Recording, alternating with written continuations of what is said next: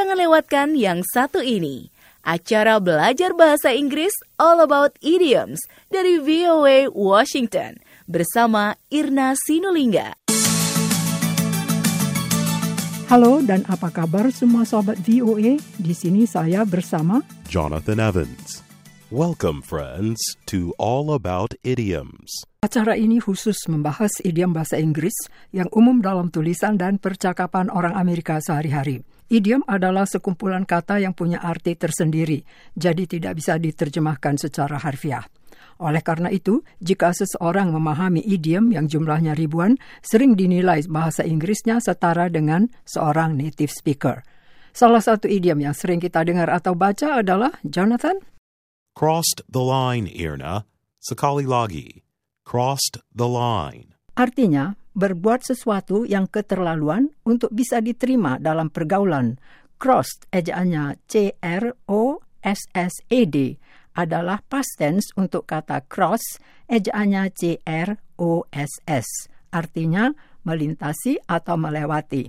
Line, ejaannya L-I-N-E, di sini artinya batas. Kita simak contoh idiom ini dalam bentuk past tense.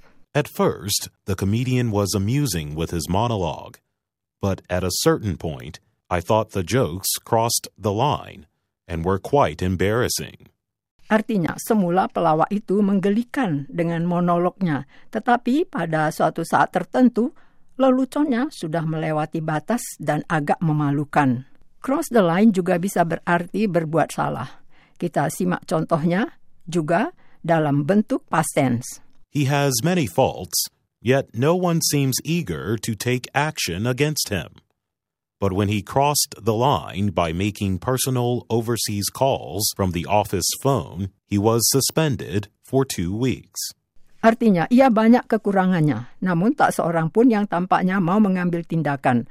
Tetapi ketika ia berbuat kesalahan dengan menggunakan telepon kantor untuk menelpon ke luar negeri, urusan pribadi pula, ia diskors dua minggu. Idiom yang kita bahas tadi adalah Crossed the line. Sekali lagi. Crossed the line. hanya sekian untuk hari ini.